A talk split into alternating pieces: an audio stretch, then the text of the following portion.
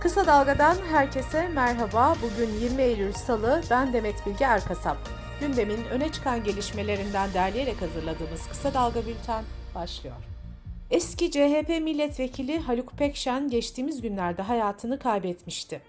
Pekşen'in ölümünde Covid-19 aşısının etkili olduğu yönünde yorumlar yapılmıştı ancak bu iddiaları aile yalanlamıştı. Gazi Üniversitesi Tıp Fakültesinden Profesör Doktor Esin Davutoğlu Şenol da Pekşen'in balık kılçığının yemek borusunu yırtması nedeniyle öldüğünü duyurmuştu. Haluk Pekşen'in kızı Ezgi Pekşen dün Twitter'dan bir açıklama yaptı. Babasının balık yediği sırada fenalaştığını ve hastanede yanlış teşhis konulduğunu belirten Pekşen, size anjiyo yapalım demek yerine size endoskopi yapalım deseler şu an babam aslanlar gibi yanımızda olacaktı dedi. Siyasette yeni bir ittifak haberi daha var. Cumhur, Millet, Emek ve Özgürlük ittifaklarının ardından bir ittifak daha kuruldu. Gazeteci İsmail Saymaz'ın Halk TV'de yayınlanan yazısına göre Türkiye'm, Ülkem, Turan, Yeni Yol ile Vatan ve Özgürlük Partileri seçime girmek için birleşti. Türkiye'm Partisi çatı olmak için adını Türkiye İttifakı Partisi diye değiştirdi.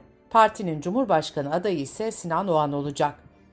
İkinci turda HDP'nin destek vereceği ismin kazanacağını belirten Oğan, HDP'nin kilit konumunu ortadan kaldırmayı hedeflediklerini söyledi.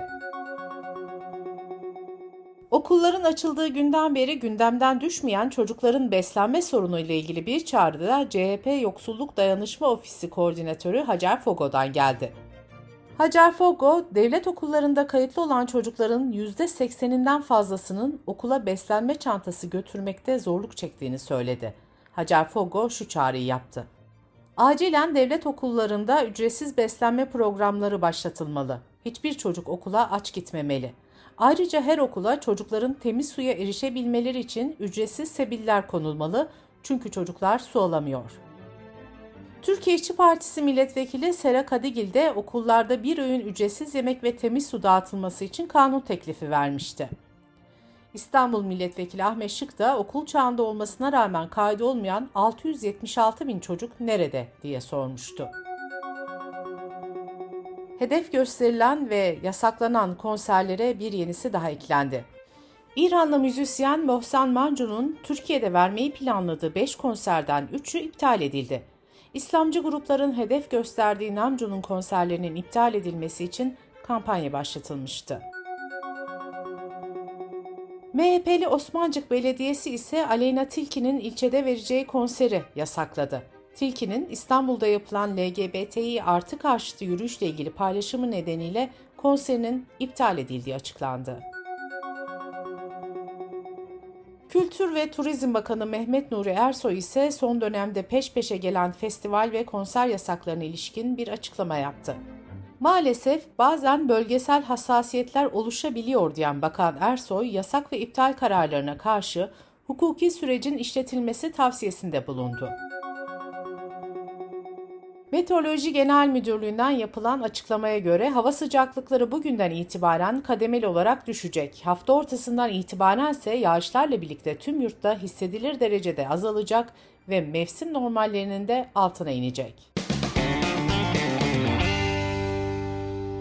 Kısa Dalga Bülten'de sırada ekonomi haberleri var. Borsa İstanbul'da son zamanlardaki hızlı yükseliş ve düşüşler dikkat çekerken CHP Genel Başkanı Kılıçdaroğlu Manipülasyonları izliyorum ve notumu alıyorum. Küçük yatırımcının çaldığınız parasını size ödeteceğim demişti. CHP sözcüsü Faik Öztrak da borsada olan bitenlerle ilgili ciddi bir soruşturma yürütüleceğini belirtmişti. Bu gelişmelerin ardından gözlerin çevrildiği sermaye piyasası kurulundan yazılı bir açıklama geldi. Pay senetlerinde yapılan işlemlerin Borsa İstanbul tarafından anlık takip edildiği belirtilen açıklamada kurulun da gerçek ve tüzel kişilerin piyasa bozucu hareketlerine karşı gözetim ve denetimini sürekli yaptığı vurgulandı. Çevre, Şehircilik ve İklim Değişikliği Bakanı Murat Kurum, ilk evim, ilk iş yerim olarak adlandırılan sosyal konut projesine başvuranların sayısının 3,5 milyona yaklaştığını söyledi. Kripto para birimleri artan faiz ortamında yatırımcıların riskli varlıklarından kaçınmaları ve piyasada regülasyon endişelerinin oluşmasıyla yeni dip seviyelere düştü. Dünyanın en büyük piyasa değerine sahip kripto para birimi Bitcoin yaklaşık %5 gerileyerek 3 ayın en dip seviyesi olan 18.387 dolara indi. Dış politika ve dünyadan gelişmelerle kısa dalga bültene devam ediyoruz. İran'da kadınlar ahlak polisi tarafından gözaltına alındıktan sonra ölen 22 yaşındaki Mahsa Amini'nin ölümünü protesto etmek için saç kesme ve başörtülerini yakma eylemi yaptı. Kadınlar bu cinsiyet ayrımcılığı rejiminden bıktık dedi. Rusya Dışişleri Bakan Yardımcısı Bogdanov, Türkiye ve Suriye Dışişleri Bakanlarının bir araya gelmesi düşüncesini desteklediklerini ve gerekmesi halinde bu görüşme için platform sağlayabileceklerini belirtti. Dışişleri Bakanı bir soru üzerine temasları destekliyoruz ve bir araya gelmelerini teşvik ediyoruz dedi. Kremlin sözcüsü Dimitri Peşkov, Ukrayna'nın doğusunda yerleşim yerlerinde toplu mezarlar bulunması ile ilgili suçlamaları reddetti. Peşkov, bu bir yalan ve biz hikayede hakikati savunacağız dedi. Ukrayna Devlet Başkanı Zelenski ise Rusya'nın işgal ettiği toprakları geri almak için verilen mücadelede yavaşlama olmayacağını vurguladı. ABD Başkanı Joe Biden, Çin'in işgali halinde ülkesinin birliklerinin Tayvan'ı savunacağını bildirdi. Pekin'in tepkisini çekecek bu açıklama ABD yönetiminin şu ana kadar yaptığı en keskin uyarı olarak yorumlandı.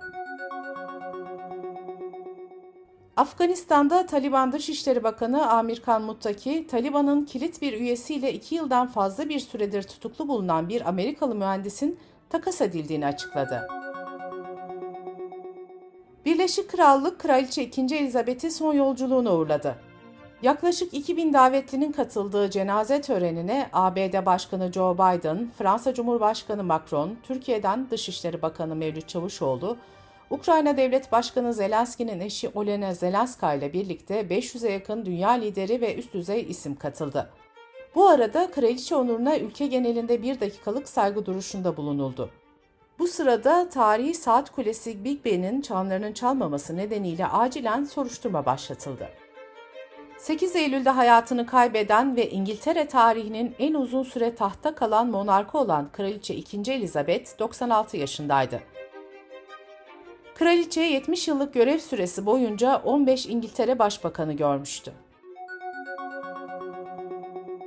Belçika'da 55 yargı mensubu mahkum olarak yaşamanın nasıl bir his olduğunu anlamak için başkent Brüksel'e bağlı Haren semtinde yeni yapılan bir cezaevine gönüllü olarak girerek iki günlük hapis hayatı yaşadı.